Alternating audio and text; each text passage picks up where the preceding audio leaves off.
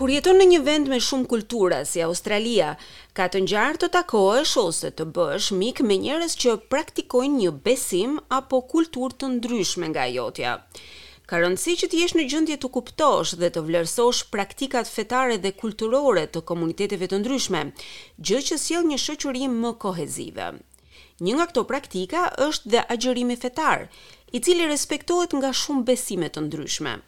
Sot do të hedhim një vështrim se si ndikon agjërimi fetar në shëndetin fizik dhe se çfarë përfitimesh mund të kemi prej tij.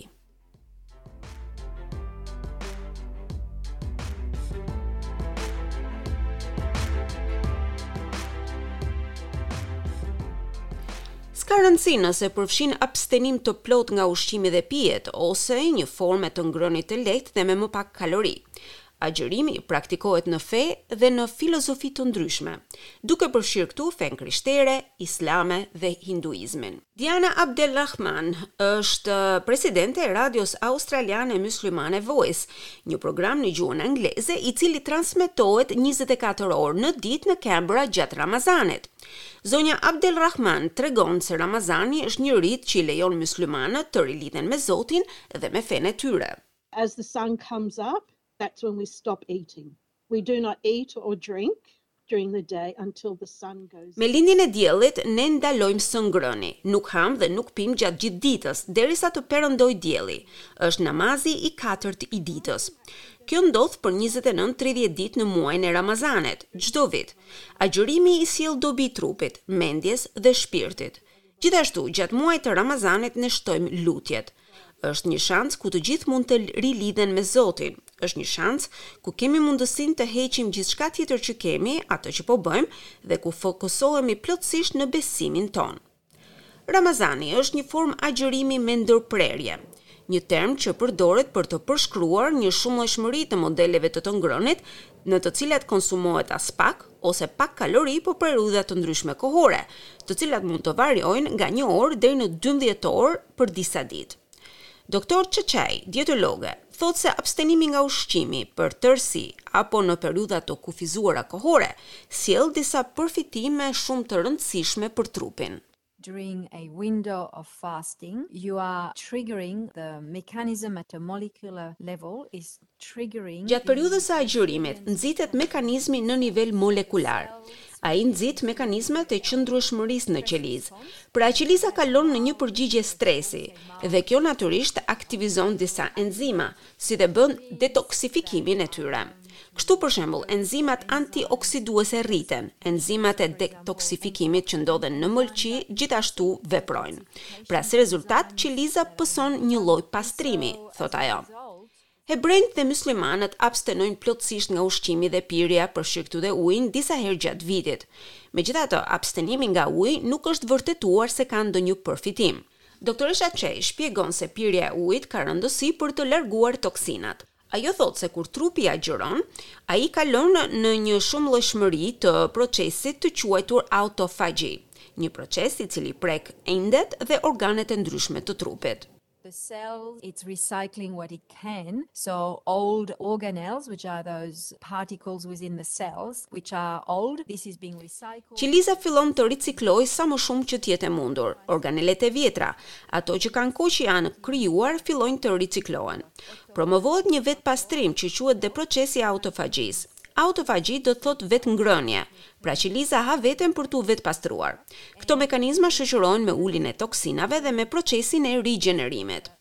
Doktoresha Chai thotë se kur dikush ha përsëri pas agjërimit, qelizat tashmë janë më të afta të thithin lëndët ushqyese. And then when the person starts feeding again, then that switching from the fasting to the feeding in itself is also. Dhe kur personi fillon të ushqehet përsëri, atëherë kalimi nga agjërimi në ushqim në vetvete është një efekt i dobishëm. Qelizës i ishin hequr disa lëndë ushqyese dhe, kur papritmas, këto lëndë ushqyese futen përsëri në organizëm, atëherë qeliza bën maksimumin për t'i mbajtur këto lëndë ushqyese, nuk shpërdorohet, nuk ka tepritë. Pra, fillon përdorimi në funksionin optimal të qelizave. Është e rëndësishme që natyrisht të hani shëndetshëm dhe të mos konsumoni ushqime me sheqer pas agjërimit, thotë doktoresha Chai, Kjo ndihmon në uljen e insulinës, madje dhe në rezistencën ndaj insulinës me kalimin e kohës. Në disa fe ose kultura të ndryshme, agjërimi nuk përfshin abstenimin nga ushqimi në mënyrë totale, por nga disa ushqime për periudha të caktuara. Për shembull, për fenë hindu, agjërimi mund të variojë nga kufizimi i lehtë dhe deri te abstenimi ekstrem. Edhe për fenë hindu agjërimi nuk është obligim, por është akt moral dhe shpirtëror, ku synohet pastrimi i trupit dhe i mendjes. Katolikët nuk hanë mish të premteve gjatë Kreshmës, ndërkohë që të krishterët ortodoksë grekë abstenojnë kryesisht nga produktet e qumështit, vezët, mishi dhe nganjëherë edhe nga vaji i ullirit dhe peshku, për një total prej njëqind e tetëdhjetë deri në dyqind ditë në vit. Doktoresha Çej thotë se ky lloj agjërimi përshtatet me kategorinë e dietës së kufizuar në kalori. Një dietë moderne e bazuar në këtë parim është dieta Kron, e cila përfshin kufizimin e kalorive në një përpjekje për të përmirësuar shëndetin, për të vonuar plakjen, ndërkohë që përpiqet të sigurojë sasitë e rekomanduara ditore të lëndëve ushqyese me vlera të ndryshme. The idea here is to put the body into a mild stress, that means the body learns to do the most of what he has. Ideja këtu është që ta vendosim trupin në një stres të lehtë, që do të thotë, trupi mëson të bëjë maksimumin me ato që ka dhe me ato që po merr.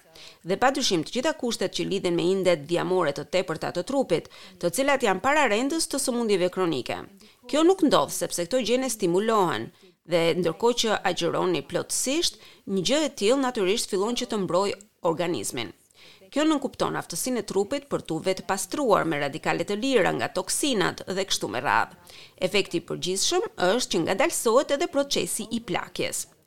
Disa versione me shumë popullaritet të agjërimit përfshijnë dietën pesë me dy, e cila përfshin ngrënien e jo më shumë se pesëqind kalorive në ditë dy herë në javë. Një lloj tjetër diete, i mbështetur tek shkenca, është edhe dieta e agjërimit e formuluar nga doktor Valter Longo. Doktoresha Çej thotë se ky lloj agjërimi mund të ndihmojë në rivendosjen e hormoneve, si dhe të rinxisë rinovimin e qelizave të ndryshme. What the Longo group demonstrated is that you don't need to go to zero calorie to have the benefits of fasting, even just dropping. Ajo që demonstroi grupi Longo është që nuk ka nevojë që të kaloni në zero kalori për të marrë përfitime nga agjërimi. Edhe sikur të merrje gjysmën e kalorive, përsëri do të ishe në një pozitë shumë të mirë. Ky protokoll rekomandohet të bëhet një, dy ose edhe tre herë në vit për pesë ditë, për të rivendosur në thelb ato hormone, të cilat nuk duhet të jenë në nivele të larta, por edhe për të nxitur autofagjinë, rinovimin e qelizave, rregullimin e enzimave e të tjerë. Doktoresha Çej thotë se agjërimi nuk rekomandohet për personat që janë nën peshë ose që kanë një sëmundje mjekësore. Gjithashtu nuk rekomandohet për personat që kanë çrregullime në të ngrënë. Adama Konda është imam në Qendrën Katolike të Kembrës. Ai thotë se fëmijët, të moshuarit dhe të sëmurët nuk duhet të agjërojnë gjatë Ramazanit. A child is not to fast because children need to eat, also a traveler also they don't have to fast they can make it up when they arrive home. Fëmija nuk ka nevojë të agjërojë sepse ka nevojë për të ngrënë. Një udhëtar nuk duhet të agjërojë, pasi mund ta kompensojë më vonë në shtëpi. Të moshuarit nuk kanë pse të agjërojnë. Femrat shtatzëna gjithashtu ato që ushqejnë me gji nuk kanë pse ta bëjnë një gjë të tillë. Agjërimi e merr parasysh aftësinë tonë fizike për ta bërë atë. Dhe profesionistët e kujdesit shëndetësor theksojnë se ka shumë rëndësi që të gjithë të hamë një dietë të ekuilibruar dhe rekomandojnë që të flisni me një mjek të përgjithshëm apo me një dietolog përpara se të filloni një regjim të ri ushqimor.